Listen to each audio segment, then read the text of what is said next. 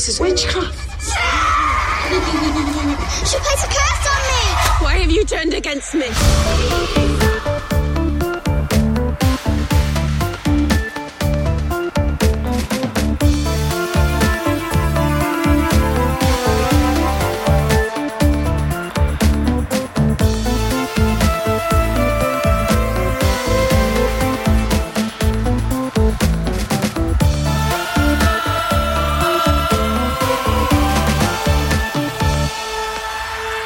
Välkommen till Vacancy, en podcast om skräckfilm. Jag heter Erik Nyström.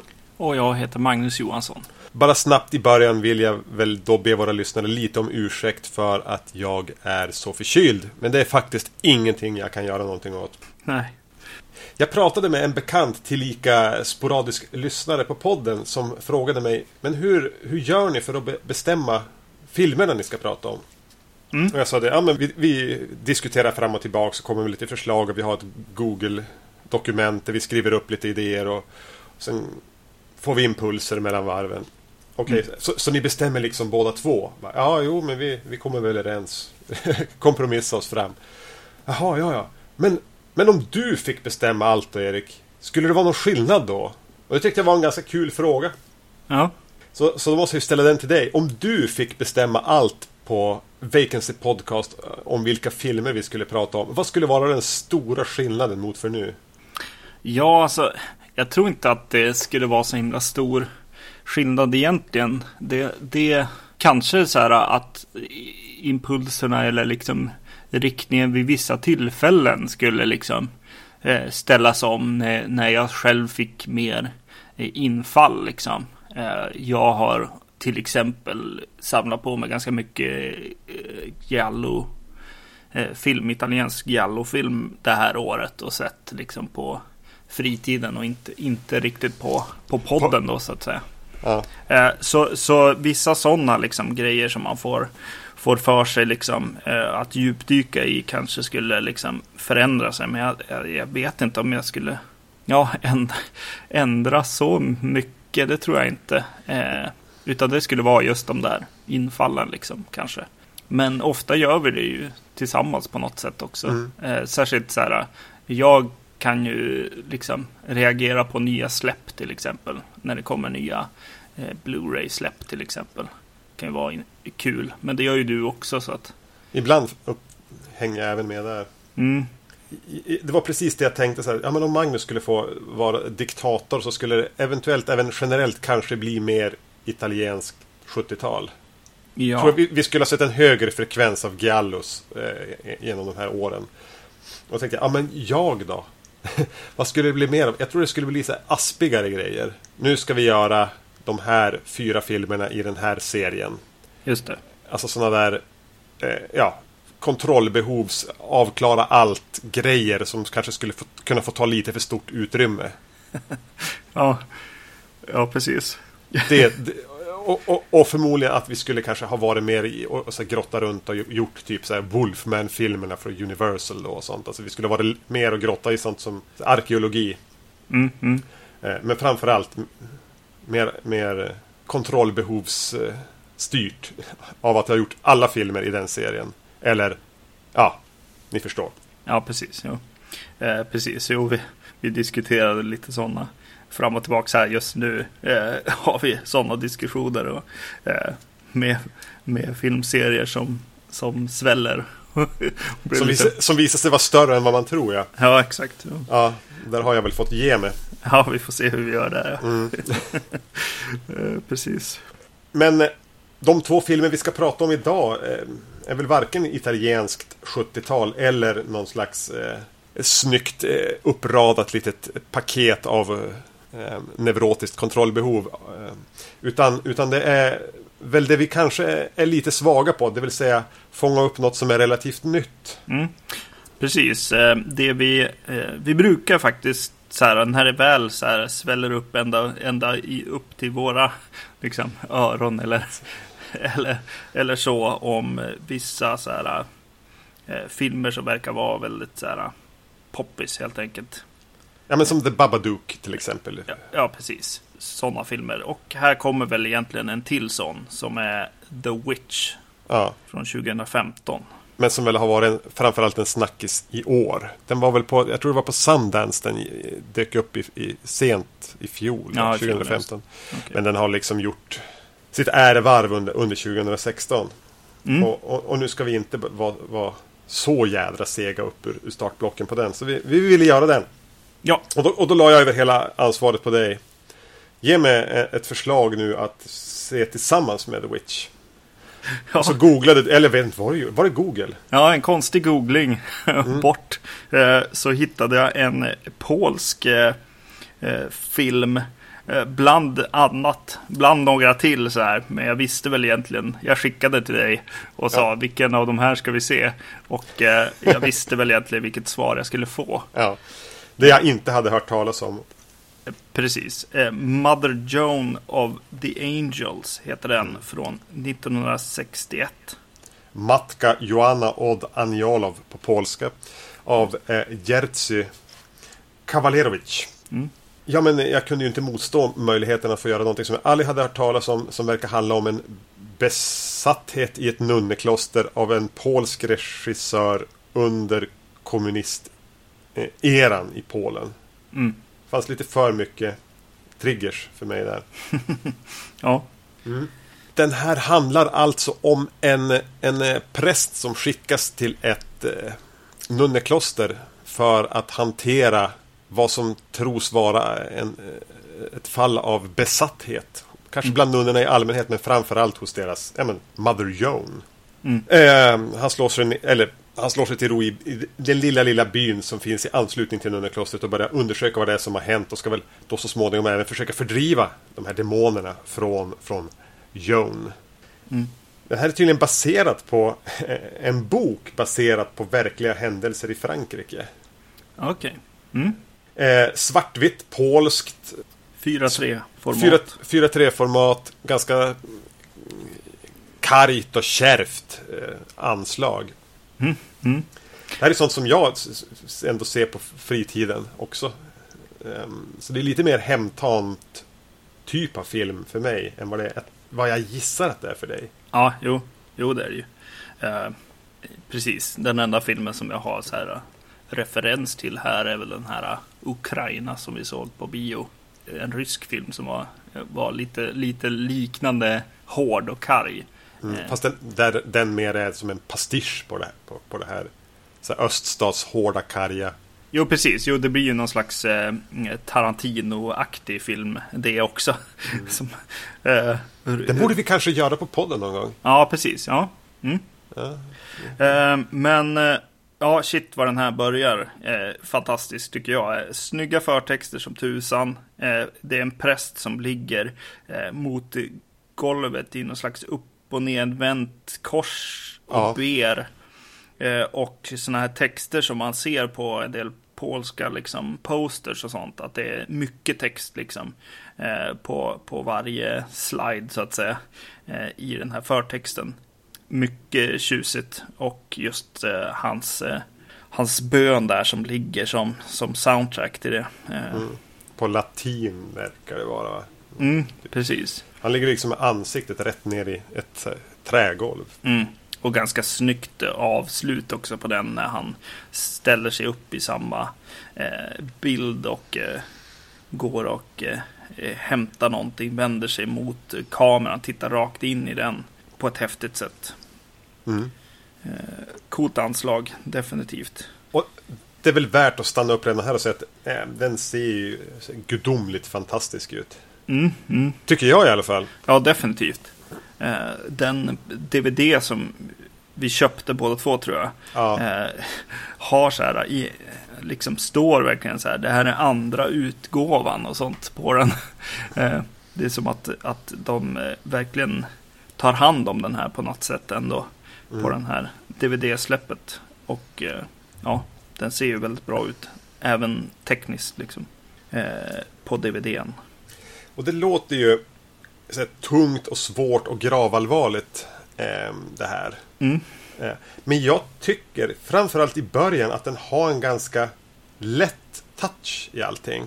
Jag vet inte om du, om du kunde känna av det men jag upplevde den nästan eh, i inledningen när han kommer till det är som ett värdshus och den, ortsbefolkningen sitter där och pratar och prästen kommer in och senare leder upp till en slags exorcism slash högmässa. Att den är lite sarkastisk. Ja, precis. Jo, jo så Att- känns det ju. Att den nästan, alltså alltså att den, den har en så här tongue in cheek approach till, till materialet. Mm. Eh, precis, jo men det har den ju. Det är ju, det är ju lite så här, vad heter han, Nils Poppe, eller vad han heter. Skulle kunna spela någon av de här karaktärerna. Ja, att den är lite, ja men, ja, som att de driver med, med, med, med prästerskapet eller med, och att, att det ger ett lättare anslag till filmen eh, utan att det blir så här buskis. Alltså det är ju inte direkt så att den är fylld av skämt. Nej, precis, för att prästen i sig är så bedrövad redan från början. Liksom. jo, en plågad man. Ja, verkligen. En plågad man. Eh, som liksom i, i en av öppningssekvenserna hänger upp en, en piska på, på väggen i sitt rum. Ja. Så, så det var, är i princip det enda han packar upp liksom, när han kommer dit. ja, Det enda eh, han inte reser utan är sin piska. precis. Men jag tror att det är- känns ju som att det är medvetet också av, den, av en regissör att, att ha det här lättare anslaget för att man då ska kunna komma in i en film som sen blir lite mer teologisk och lite grubblande och kanske lite tyngre. Men till en början sitter jag och tänker bara att det här är ju som en romp. Det här är ju eh, nästan cartoonish på något sätt. Mm, mm. Så jag har väl, väldigt trevligt sätt att komma in i den. Ja, eh, precis. Och här eh, så målar de ju upp den här bilden av kvinnorna i klostret eh, i, i de här dialogerna. Eh, och innan man, man själv liksom får gå dit och träffa de här nunnorna. Jag gillar hur de liksom först skvallrar om dem och sen bygger upp liksom en, en bild av dem så att man är liksom eh, lite på spänn liksom eller, eller definitivt intresserad av att eh, komma dit liksom. Och plus att de då har en nunna som är lite mer liberal. Hon är den enda som inte är besatt. Mm. hon är liksom nere och, och hänger lite grann med, i smyg antar jag. Ja. Med ortsbefolkningen. Mm. Som kan ber- skvallra lite grann inifrån murarna. Ja, Eh, ja men hela den här scenen när de sen kommer till kyrkan. ja, Eh, dels tycker jag de använder dem på ett sätt de, när de kommer och går och, och vi får se dem, de är ganska många så här, passera förbi kameran i sina, här, de är ju klädda i helvitt med så här, dok som gör att det är egentligen bara ansiktet som syns. Och då har de gjort att en av nunnorna eh, snurrar. det är väl som hennes så besatthetsgrej. Ja. Att man, och man ser hon stå nere på golvet så att hon gör som piruetter hela tiden. ja, Men, men det var någonting med hur de så här, passerar förbi kameran och in i kyrkan som fick mig att tänka på Stormtroopers. just det. ja, och de gör det två, två Ja, gånger. de har som två så långa scener när de bara går förbi. Mm, man- mm. Ja, det är bra. Eh, och eh, ja, innan dess egentligen så, så blir man ju också presenterad av klostret här. Alltså scenografin så att säga. Alltså det som finns uppe på, på scenen så att säga. Eh, det är ett jättehäftigt kloster liksom i, i bakgrunden som känns eh, som en borg liksom. Ja, det är som uppe på en sluttning. Ja. Eh, precis, och så ödemarken liksom. Eh, där utanför liksom. Och allt som finns. eh, en, en bit ifrån klostret liksom. Som, som liksom ja, nunnorna hela tiden kan se liksom. Eh, och man, när man kommer dit också så ser man det innan man, innan man, man måste gå förbi det. Och det är ett, eh, ett bål Mm. som står där, där en, eh, en tidigare präst har blivit bränd. Som jag förstod det. ja, alltså typ i princip den som kommer före då, prästen vi presenteras för. Mm, mm, Och skulle försöka sig hantera de här besatta nunnorna. Men eh, vad heter han? han heter typ Josef heter våra, våran hjälte. ja, Eh, att det är hans föregångare. Mm. Som misslyckades och, och själv liksom blev... Ja, så de var, de var tvungna att bränna upp honom. Så he, som är där som en påminnelse hela tiden på hur det kan gå. exakt. Vad Går du nära de här? Är du en kyrkans man och kommer för nära? Eller försöker hantera de här? Så Ja. är det där det som väntar dig. Liksom. Det är som ett förkolnat träd som de har bundit fast den vid. Och så ett bål nedanför. Så det är som en svart pelare i det här karga, karga landskapet. Mm. Mycket, mycket snyggt och eh, starkt liksom för historien på något sätt. Och för Det är- honom, karaktären. Även en bild som jag tror kommer en bit in i filmen som är ganska högt, högt tagen. När man får se i bakgrunden ser man det här klostret. Eh, och eh, i, uppe i ena högra hörnet och lite grann mot det vänstra eh, bildhörnet så är det dessa klocktorn som är en bit från. Mm. Och så har vi bara här, landskap och så den här obehagliga bålet, tr- förkolnade trädet. Eh, och så kommer Josef gående, han är då klädd i svart, liksom snedda genom hela den här bilden på väg mot klostret. Så bara helt så häpnadsväckande bild. Och mitt i den så ställer det sig upp någon i förgrunden, liksom före kameran och kommer in liksom med axeln nästan upp. Ytterligare en karaktär som då står och tittar på det här. Som ger som en ett, ännu en dimension. Och bara, helt magisk bild som är typ perfekt. Och sen gör, blir den ändå ett snäpp bättre. Ja, exakt. Ja, mycket, mycket bra. Det finns sådana där underbara bilder i den här. Mm. Ja, jag vet inte hur mycket man ska säga om den här filmen. Nej, alltså det blir ju också lite grann, det här blir, den utvecklas ju åt ett, åt ett lite tyngre håll. Alltså den blir mörkare, kanske lite mer svår, Ja, svårtacklad. mm. Eh, framför, det kommer en scen när den här, han är väl katolsk präst gissar jag. Det är väl de som brukar hålla på med exorcismer. Han går och ska ha så här, be en rabbi som finns där i byn om råd. Mm. Och då spelar samma skådespelare både våran Josef här och han spelar även rabbin. Och de klipper det verkligen som att han står nästan framför en spegel och bollar så teologiska funderingar. ja, Och där känner man att jag är lite för dålig på, på, på teolo, teologi. ja, Den tappar mig lite grann när den blir för allvarlig. Inte det att jag på något sätt säger att den blir dålig, men jag, jag, den börjar gå lite över huvudet på mig. Och då blir den ju även lite mörkare egentligen efter den scenen. mm. Och lite ja, tyngre, mer svår, svårhanterlig. ja, precis. Och så sen hans eh, liksom möte med eh, den här eh, Mother Superior, eh, Joan här. Ja, det är ju intensivt alltså. Hon är ju, hon är ju häftig, särskilt i den där första scenen. När, alltså över, överlag är ju, är ju den så jäkla snygg, filmen som sagt. Eh, och när, när han möter henne för första gången så är de i ett, i ett rum som är så här lite ja, men gråa väggar, ljusgråa väggar. Han är svartklädd. De få möblerna som finns är helt svarta. Dörrarna lika så liksom. Och så kommer hon in och är helt vit, vitklädd. Det är otroligt eh, vackert. Och så sen så spelas det upp ett, en ganska intensiv liksom, scen där mellan de två. Eh, där hon ju ja, men, visar på, på den här besattheten så att säga. det är liksom bara det är inte så att hon är besatt av typ en, det är typ åtta demoner eller någonting också. Ja, precis. Jo, hon räknar upp alla där. Precis. CV. Ja. Eh, Ja, men den, och den scenen är väl nästan den som är en av de o, den obehagligaste scenen i filmen. När man vet inte riktigt var man har den här kvinnan heller. Nej. Och man, i alla fall jag, och tänker att du också går in med den här skeptiska sekulära blicken på det. Gör att man, är hon bara tokig? Eller är det en djävul? Alltså man, man har den här skepticismen. Men samtidigt vet man att man tittar på en film. Så, och hur långt har de tänkt gå egentligen? Ja. Mm.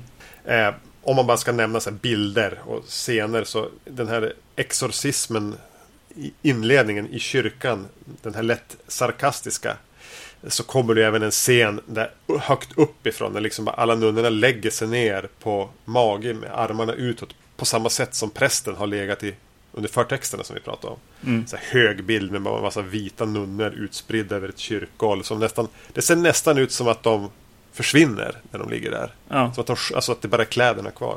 Mm. Det är ju inte så här, någon så här, klockren skräckfilm det här. Eh, Den har, det är mer ett framförallt ett visuellt och ganska förvånansvärt kul att titta på film. Men jag Mm. tänkte ändå lite grann, det här är ju någon slags nunsploitation.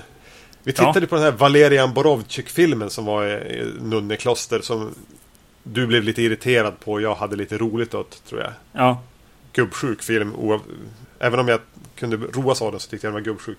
Mm. Eh, är väl det, och, och Killer Nun har vi gjort på podden också, men det finns ju en hel genre som växte fram under 70-talet med liksom nunsploitation som handlade om att mixa typ exploitation, skräck och våld och nunnor. ja, Och det här måste ju vara en tidig film där. Ja definitivt. Ja. Och sen ska man även komma ihåg att den här måste ju på något sätt vara en föregångare till Exorcisten. För här, pra- här är det ju faktiskt exorcism de pratar om. Han är där för att driva ut demoner ur en människa. ja. En väldigt oskyldig människa då. Mm, mm. Eh, så att, att eh, den exorcismen, boken eller filmen skulle vara medveten om den, antingen den här boken eller den här filmen är ju väldigt tydligt. Så det är ju en, en föregångare till hela exorcismgenren på så sätt. Ja, det är väldigt tydligt ja. I, framförallt i en scen där hon eh, gör en sak som, som hon gör numera också i Exorcisten. Ja. Eh, Mm. Alltså, ja, alltså det är ju lite så här. Jag brukar vara lite så här återhållsam med liksom religion och försöka prata om sånt. Le, lev och låt leva liksom lite grann. Ja. Eh, men alltså här, ja, vi får se hur mycket i det här avsnittet som... och om jag inte har haft en rant i det här avsnittet har jag förmodligen eh, klippt bort den. Men alltså, eh, alltså det är en film som börjar göra en jävligt förbannad på samma sätt som Spotlight eh, gör på något sätt. Man inser ju lite hur, hur fel det är, det, det katolska liksom, sättet som de har satt upp sin religion, tycker jag, eller sin tro, liksom, just eh, kring präster och nunnor och, och sånt. Alltså, ja, tro på Gud, men lev också livet, dansa, liksom, ha sex och skratta och sup. Eh, för alltså, annars, annars blir det ju bara hemskheter, liksom. Du, du sår ju liksom ett frö till eh, eh, bara hemskheter känns det som. Med, med ja, det de tar upp i Spotlight och eh, även, eh, även i den här filmen. Liksom, det här att, ja men att inte, att vara så himla hämmad liksom. Ja. Som de är här. Men jag tänker att den handlar ganska mycket om, om människors behov av att kontrollera andra människor. Ja, precis.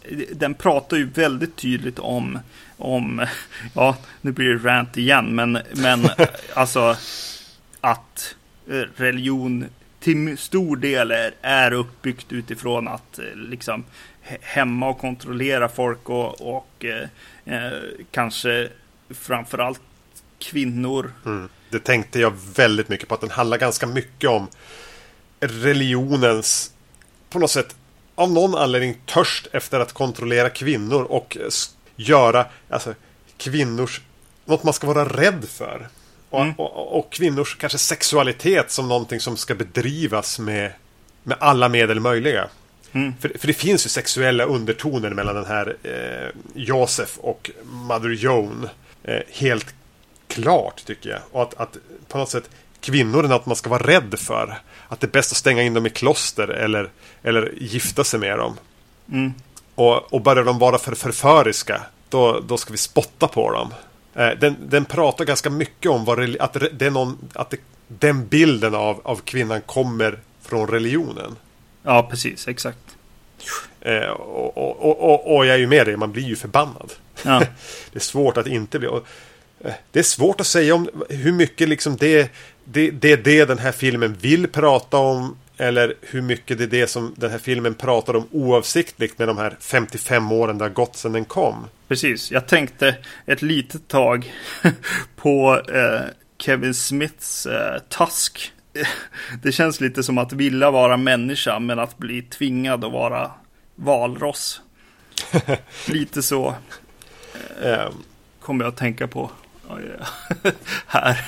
Det är lite det. Eh, mm. Och samma sak med, eh, ja men som i Spotlight. När hon går och knackar dörr där och han inte riktigt vet vad, vad som är. Han förstår inte att det är någonting fel. Nej, precis. För hans, hans perspektiv är så rubbade. Precis, exakt. Ja. Mm. Då ska man ändå tänka att när den här filmen kom till 61 då var Polen alltså under, den var ju, Polen var ju bakom järnridån och det var ju en lydstat till, till Sovjet. Eh, och det kommunistiska Sovjet var ju väldigt anti religion och var väl uttalat ateistiska. Men så var det väl kanske inte på riktigt. Me- Medan samtidigt var katolska kyrkan en maktfaktor i, i Polen fortfarande. Mm. Det var en ganska, måste vara en spännande tid att försöka få den här filmen gjord. För dels har du en kommunistregim som inte tillät speciellt mycket som inte exakt gick i deras eh, fotspår. Nej. Och samtidigt hade du då en katolsk kyrka som ju knappast kan ha varit överdrivet förtjusta i, i, i den här bilden som målas upp.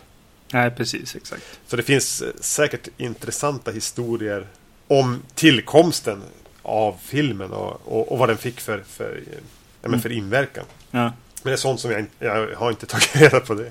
Nej, precis. Jag såg lite grann om att eh, ja, regissören har gjort lite andra filmer, bland annat lite så här eh, thrillers och grejer. Eh, Han hade gjort någon som var typ från filmen innan som jag, jag bara kollade på IMDB som lät ganska... Night Train eller något Ja, sånt. precis. Som är hans andra stora, mest, näst mest kända film kanske. Mm. Som verkade ganska bra. Ja, exakt. Också med hon eh, som eh, spelar eh, huvudmodern här då. Ja, vi har inte tagit några namn här. Nej, precis. Eh, Men det var lite intressant för när man klickar runt så har, har han gjort eh, fler filmer med just henne också. Mm. Eh, Som var lite spännande. Ja, Ja, precis. För hon är ju ganska bra i den här. Ja, det är, svårt att angripa skådespeleriet. Ja, över, överlag, ja, precis. Prästen är ju fantastisk också. Ser lite ut som Liam Neeson. Just det, man kan göra en, en remake med honom Ja. Mm. Eh, precis, men ska vi gå till eh, The Witch kanske? Ja, jag tänkte ju så här när jag hade sett Mother Joan of the Angels. Jag såg den före jag såg The Witch. Några dagar, kanske till och med veckan före eller någonting. Jag tänkte bara, ja, hur matchade är de? Det här handlar om en besatt nunna i ett kloster. Och nu ska vi se någonting om en häxa i en skog. Ja, Ja, det blir lite svårt för mig också. vi får se vart vi landar. yes. Eh, The Witch, A New England Folktale som den har som eh, undertitel. Eh, 1600-tal i ja, New England då, i USA. Amerika. Mm. Eh, en familj eh, tvingas lämna deras lilla koloni på grund av eh, meningsskiljaktigheter i exakt hur man ska följa den kristna läran. Och de väljer att slå ner bopålarna eh, i kanten till en stor mörk skog och försöka leva sitt liv utan beskyddet som finns att erbjudas i den här kolonin. I skogen verkar det finnas en häxa. Precis. Manus och regi, eh, debut. Robert Eggers. Precis, långfilmsdebut ja. Ja. Mm. Född 83. Sånt där man, jag gillar att påpeka när det är de som är yngre än oss som har kommit någonstans. Äh, kommer någonstans. Vi kommit jättelångt. Eh, en konstig grej som, som slog mig under förtexterna det är ju att eh, Universal-loggan är fan fet som fan före de här eh, fem, sex till unknown-loggorna som kommer senare. Det är Ja, bara- verkligen så här kom, kompisgängs produktionsbolagsloggor och så är Universal-loggan där. Ja, det blir lite roligt på något sätt. Det var väl aldrig så att ni snappade upp den här efter Sundance Universal? exakt, exakt. Ja. Eh, och, och, och det är något till som slår mig tidigt också. Det är vad är det för format på filmen? ja, den är så här 1.66 någonting, någonting. Ja, den är li lite smalare än 16.9. Ja. Och då liksom på bredden då. Många, jag har sett ett par Bergman-filmer eh, från senare delen av 60 är i det här formatet. Okej, Ja. svarar jag då.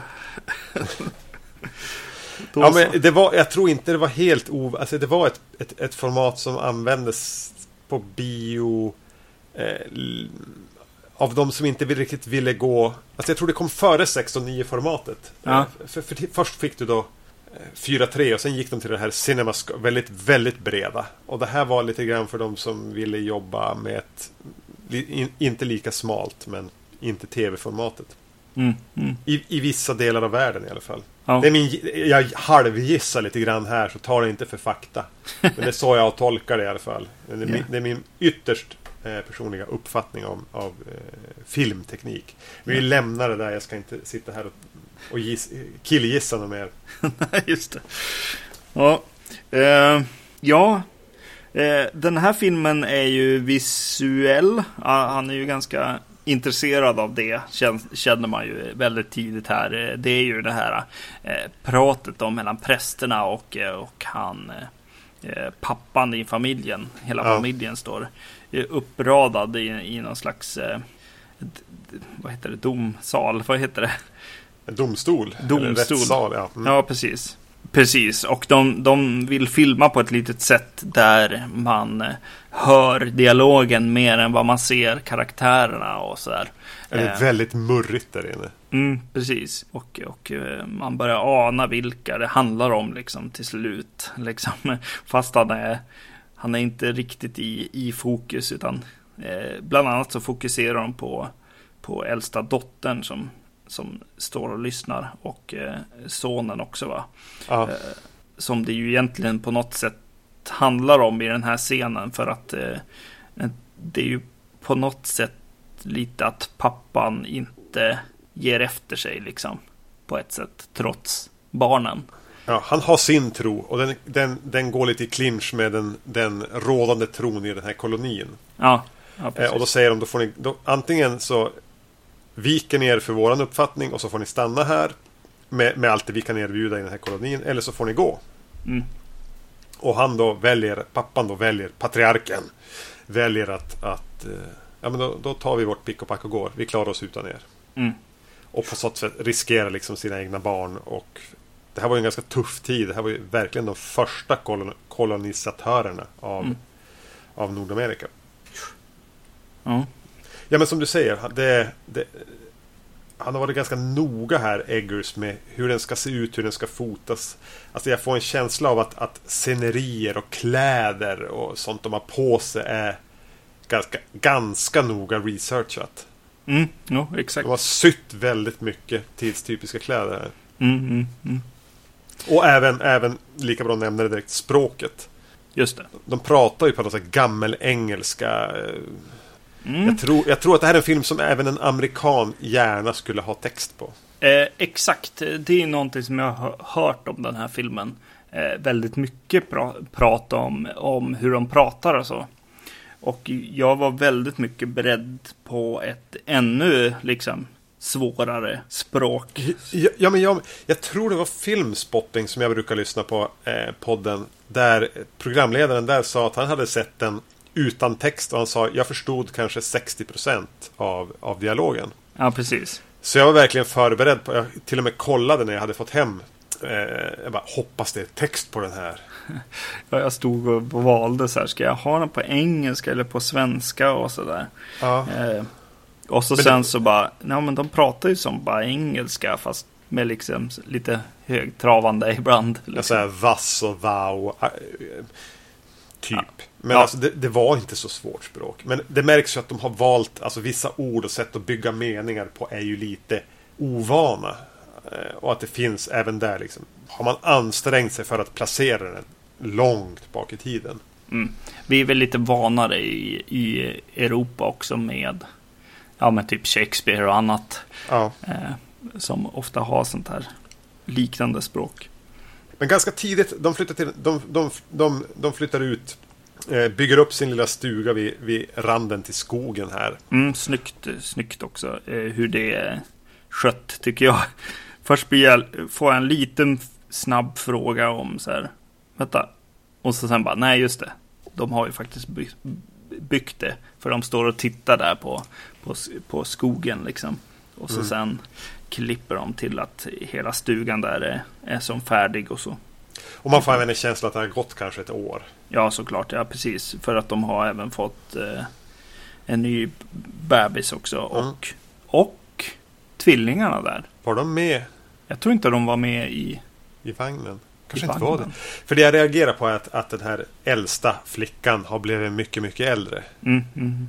Eh, Och ganska snabbt då, nu, nu, nu så här, trippar jag lite framåt i handlingen. eh, Men det här är ingen spoiler för det är en ganska tidig Så är äldsta flickan och den här nyfödda bebisen, hon, hon får väl ett ganska stort ansvar om att men hjälpa till och ta hand om även den. Mm. De är ute och, och eh, hon, hon tar med sig den ut och leker liksom i, någonstans i, i närheten av skogen. Och, och, och busar. Och helt plötsligt är bebisen borta. Exakt. Hon, hon, hon leker så här, vad heter Pika, det? peekaboo. Peekaboo, ja precis. Titt ut tror jag vi säger. Ja. Titt ut, ja. Ja. Och eh, helt plötsligt är den borta när hon, när hon tittar nästa gång. Ja, Det är ju en bra scen. Ja, verkligen. Jag Obehag- fick nästan så här ett ångestklump i magen när man... Alltså, ett, alltså hon säljer det mycket med sitt skådespel och klippningen och allting. Men ja, fy fasen. Ja. Eh, Så här, tiden har gått sedan jag såg den. Har det liksom, jag ska aldrig mer leka till ut med min dotter. ja, precis. Och just att, att hon också måste bära på det lite grann i det att hon är ganska, alltså det är, hon, hon leker så här boo. Mm. hon, hon är ganska aggressiv på, på ett sätt i sin, i sin lek där. Och, eh, och buar väldigt högt och aggressivt som väl på ett sätt kanske då var kul och så för bebisen. Men man får en liten känsla, oj, vad, tar hon inte i lite nu? Och så Mm. sen så försvinner barnet. Så man får lite ångest för hennes skull liksom. Ja, får man inte känslan att hon, tar, hon, hon vill inte göra det här? Nej, exakt. Ja. Mm. Eh, Så hon tar ut lite av sin frustration över att men jag ska inte vara en jävla barnvakt genom att så här, vara lite för aggressiv i sitt boende. Mm. Och så kommer det liksom tillbaks på hon direkt borta. Eh, och vi får ganska snabbt då klipp. Hon är borta. Hon, hon ger sig in i skogen. Och sen klipps det till där vi får se en häxa. Nu använder jag citationstecken här. Om ni, om ni skulle se mig så gör jag sådana här hartastecken med fingrarna. Som, som har barnet i sin, i sin lilla lya. Ja. Eh, så det blir på något sätt en så tidig reveal av häxan. Ja, precis. Ville du se den här scenen? Ja, alltså. ja, du, du menar, vill du veta att det fanns en häxa i skogen? På det här sättet. För den är ju ganska explicit scen också. Ja, jo, jo, jo, det är en av... Ja, precis. Jo, eh, jag tänker på två saker nu. Om du, om du frågar om vill jag veta att det finns en häxa i skogen? Eller vill jag veta, vill jag överhuvudtaget ens Veta vad som händer där. Ja, eh, och det är väl egentligen i, i första hand den första frågan jag vill ha svar på. Eh, ja, det är väl ganska viktigt, tror jag, för hela spänningen i filmen. Eh, det, det är en film som handlar väldigt mycket om så här, vem är vem, vem har sagt vem, vem gjorde vad eh, och sånt. Och då tycker jag ändå att det är ganska skönt att, att de också ger publiken någonting. För vi får kanske, vi får kanske vara den här stora systern. Som vet att det faktiskt är Mm. någonting där. Ja, precis. Lite så. Eh, för hon får ju skulden för det som har hänt. Mm. Och Ja. jag funderade lite grann på om jag ville, om jag ville leva i, i eh, något slags grå, eh, gråzon där är det stora systern som har gjort någonting? Finns det verkligen en häxa i skogen? Eh, världen, om jag ville leva där längre, för det här kommer väldigt tidigt i filmen. Mm. Är det ens en kvart in när vi har sett det här hända? Ja, precis. Och även, ja, som jag sa, det är en explicit scen vad som händer med den här stulna bebisen. Ja, verkligen. Det är verkligen inte trevligt. Nej. Den scenen. Eh, just, i, just i kombo med den här ångesten jag fick av den här peekaboo. eh, Ja, det blev jobbigt. Mm, mm. Ja, precis. För sen kommer ju den där scenen då när hon börjar, när eh, liksom syskonskaran börjar liksom känna av den otroliga frustrationen och ledsamheten över att bebisen har, har försvunnit liksom. Och eh, att eh, mamma är helt Hon- trasig och Precis, hon har ju bara stängt in sig och gråter. Ja, precis. Och pappa också är ganska tom. Sådär. Eh, Och, och, eh, och Gud finns ju alltid här också. eh, Hela tiden genom filmen då. Att alla, alla tror ju på allt det här. Mm. Gud och helvetet och, och Satan och, och häxor och så Och vidare. att, och att leva på ett visst sätt. Ja, framförallt synd då. Ja, Synd. precis. För jag tycker att mycket av den här handlar om att alltså, att man av den här kristna dogman blir låst i tankevärlden eh, och då blir på något sätt oförmögen att hantera omvärlden och saker som händer en. Mm, exakt. Det är som vissa, att stora delar av det som skulle kunna hjälpa en eller förklara saker för en blir censurerade. På grund av den här kristna tankevärlden. Mm. Som, som var så förhärskande. Framförallt för de här människorna. Då. Eh, och, i stor utsträckning är det för vissa människor även nu. Mm. För jag, menar, de var ju inte dummare på 1600-talet. Nej. Nej, precis. De hade ju samma förmåga till tankeförmåga som nu men, men, men de hade andra förutsättningar. Och det är det, mycket det jag tycker att den handlar om. Att, att det här vet jag som sanningar.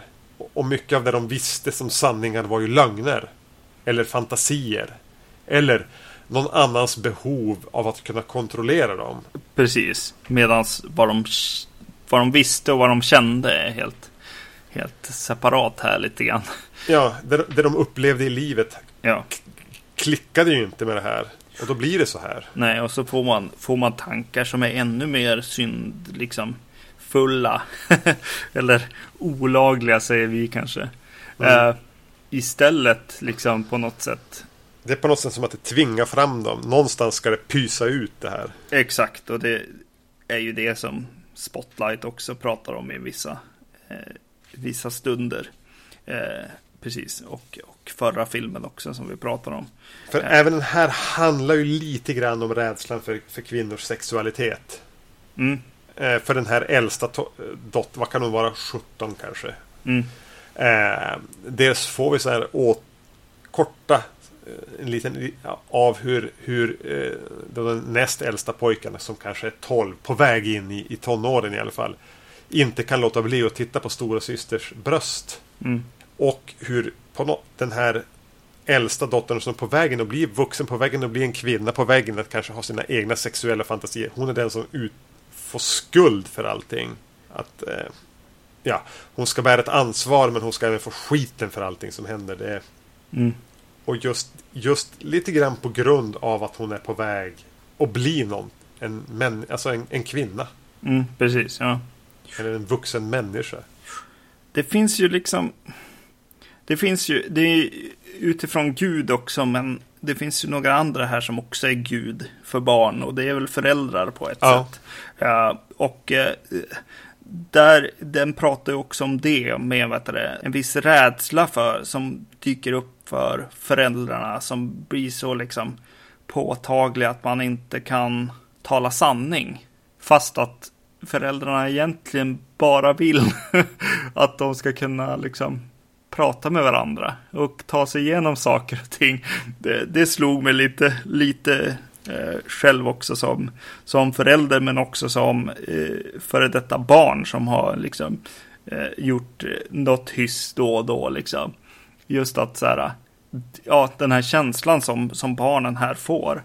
Eh, att att eh, till slut så, så är allting byggt eh, på en massa lögner egentligen. Mm. Och, och egna eh, fantasier och förhoppningar om, om vad de egentligen skulle vilja vara någonstans. Liksom.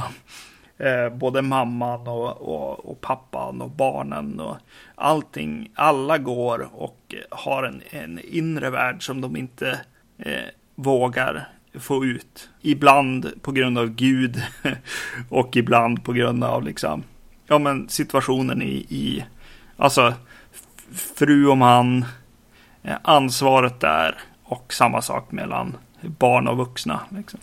Ja, men bland annat så går de ju runt och bär på någon slags konkret längtan tillbaka till England. För de här är ju födda, åtminstone de två äldsta, i, i England, alltså i Storbritannien. Så har de emigrerat. Mm. Och att det finns någon ånger över det och att det är föräldrarnas beslut. Och sen är det ju här två föräldrar som mer eller mindre havererar under filmens gång. Ja, Så då har vi de här barnen kvar som är uppfostrade till lydnad och, och att inte ifrågasätta auktoriteter som till exempel kri- kristendom eller föräldrar. Mm. Och Då blir det lite svårt att få ihop det när, de ska, när, det, när det kanske är de som är de enda rationella människorna. Ja. Men, men du, eh, var det någon film du tänkte på när du såg den här? Som spontant dyker upp. Eh, En film som konstigt nog tyckte jag dök upp. Det var bara för att vi kanske har pratat om den ganska nyligen. Det var Ravenous. Ja, Dök upp lite grann. Eh, bara för att det är just den här sagohistorien också. Folklore, eh, folktalen liksom. Eh, den dök upp för mig lite, lite lätt. Men eh, ja, nej, jag vet inte riktigt vad du... Vad får det, du efter? det, jag, fi- det, det jag fiskar efter är The Shining. Ja. Eh, dels, det är någonting med användandet av musik. Mm.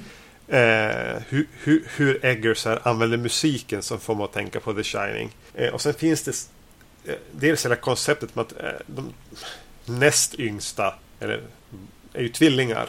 Mm. Och de får på något sätt utgöra ett hot. Men det kom jag på faktiskt nu medan vi satt och pratade om den.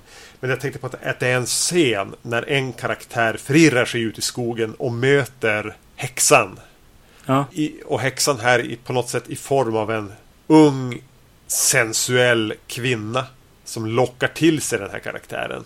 Och om man sitter bara där och skriker bara nej, nej, nej, nej. Gå inte dit. Det där är ingen vacker ung kvinna. Nej. Men ändå så, och, och på något sätt så får man nästan känslan av att karaktären vet det. Men sugs dit ändå. Mm. Jo, precis. Och vi, det är inte samma, jag tänker naturligtvis på den här badrumsscenen i The Shining. Ja, exakt. Eh, det blir inte samma payoff på den, men någonting liknande i alla fall. Hastigare payoff på den. Ja. Eh, och, men framförallt var det just användandet av musik eh, och, och, och, och den att, att eh, Eggers är medveten om vem fan jag, som gör film är inte medveten om The Shining. Men jag upplevde den scenen nästan som en hommage. Ja, ja, exakt. Jo, men alltså jag kan förstå vad du pratar om. Och eh, eh det jag tänker på då är, är när vi pratade om The Falling. Som är som en, en hommage i, i sig, bara rakt av lite grann nästan. Eh, jag får inte den känslan av den här filmen, utan, jag, utan den här är ju bara, ja, alltså det finns där Jo, eh, på, ett, på ett sätt. Men, men det är inte lika tydligt. Utan det är sin egna film fortfarande. jo ja, det bubblar snarare en bit under ytan än att det ligger där i ansiktet på en som, som The Falling. Ja, precis. Ja, Sen tänkte jag även lite grann på Antichrist. Eh, Ja, med ja, ja. fotot. Mm, Eh, Som får en livrädd för, för skog. just det. Absolut. Mm. Något jag ändå gillade liksom, eh, utan att säga för mycket, är den här snygga fake-änden. Eh, alltså slut, fake-slutet på filmen, eh, där den eh, klipper till svart en, en, lång stund. Och, jag- och jag får en, en känsla av att, ja, nu kommer eftertexten och det hade varit okej, men, men jag vill vara kvar ett tag till. Jag, jag vill inte att det bara ska stanna där vid, eh, vid matbordet.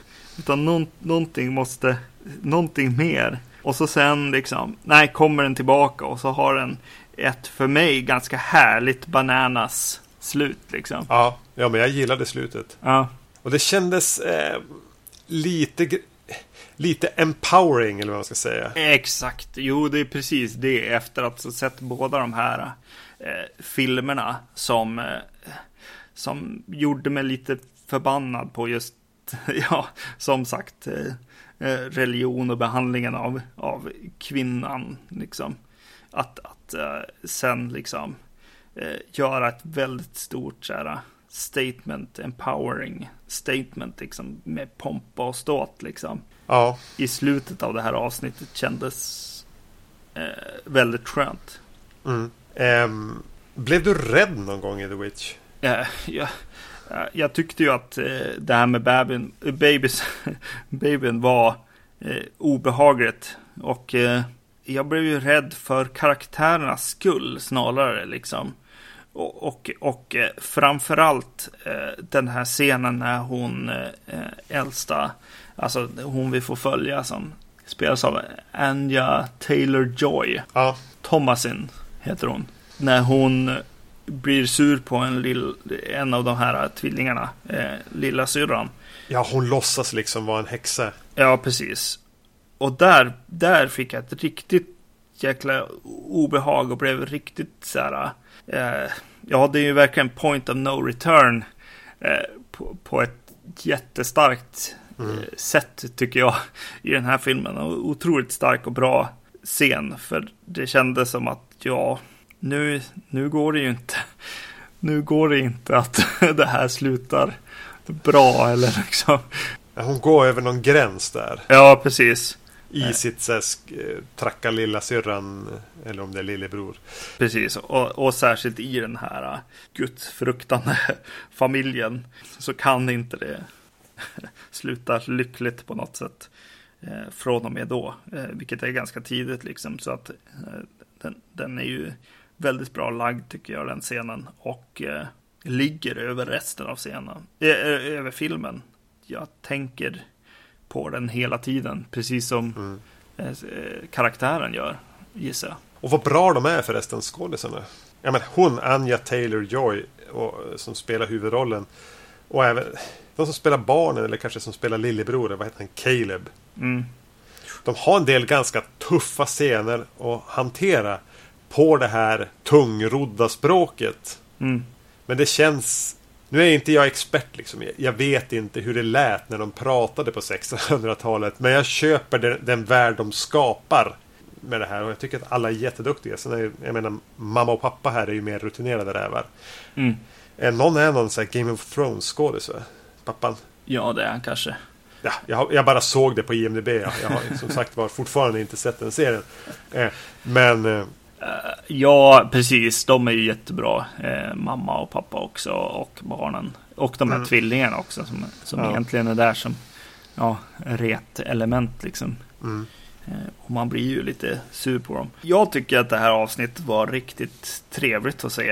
Eh, mm. The Witch levererar.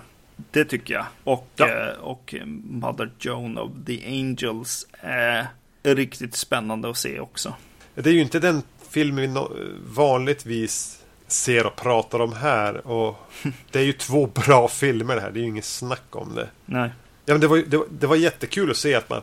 Det märks väl kanske lite grann på sättet vi har pratat om dem också. Eh, att, att, att det är snarare sånt man tänker på och funderar på. Eh, men samtidigt är ingen av dem någonting som är jobbigt att se. Det är väldigt, eller jobbigt fast på ett bra sätt. Mm. Det är mm. inte så att det är, det är tungsedda filmer någon av de här tycker jag. Nej, precis. Uh, ja, ja, precis. Det är definitivt ett, ett avsnitt jag kommer att se tillbaks på med uh, glädje nu när jag har varit arg ett tag. ja, när den värsta ilskan har lagt sig. ja, precis. Eh, mycket kompetent eh, filmskapande. Man blir ju lite nyfiken på den här Eggers också. Den här jävla 83an. Ja. Eh, som tydligen eh, sägs det ska göra en, en Nosferatu-remake som, som nästa eh, projekt. Ja, alltså det får han väl gärna göra skulle mm. jag säga. Ja, men kör. Spontant, ja precis. Ja. Mm. Hoppas han kan hålla, hålla någon slags den här tonen som finns här som är spännande. Mm. Jo, absolut. Vet du vad jag tänkte att du skulle göra? Du skulle, du skulle få pusha lite grann för ditt Instagram-konto igen. Just det. Jag heter, vad, vad säger man, at först? Nej. Eh, jag heter Zombie-Magnus på Instagram. Ja. Eh, och eh, brukar väl ha mycket om film för det mesta. Ibland kommer, dyker det upp barn och mitt huvudarbete som är spelgörande och sånt. Men ja, jag postar ganska mycket om, om eh, film jag ser. Och, och, vad Arrow släpper. ja, men precis. Jo, men vad, vad jag får i brevlådan. Ja. Eh, mycket också. Ja. Precis. Eh, oklart vad, vad som kommer i nästa avsnitt. Men vi kommer tillbaka i alla fall. Det, det törs vi lova. Yes. iTunes, gå in där, ge oss höga betyg, skriv en liten recension eller bara här, prata med era nära och kära om den här podden. Annars finns vi på vacancy.se. Ni kan mejla oss på podcast.vacancy.se eller kontakta oss på Facebook där vi också finns. Ha det bra. Mm. Hej. Hej.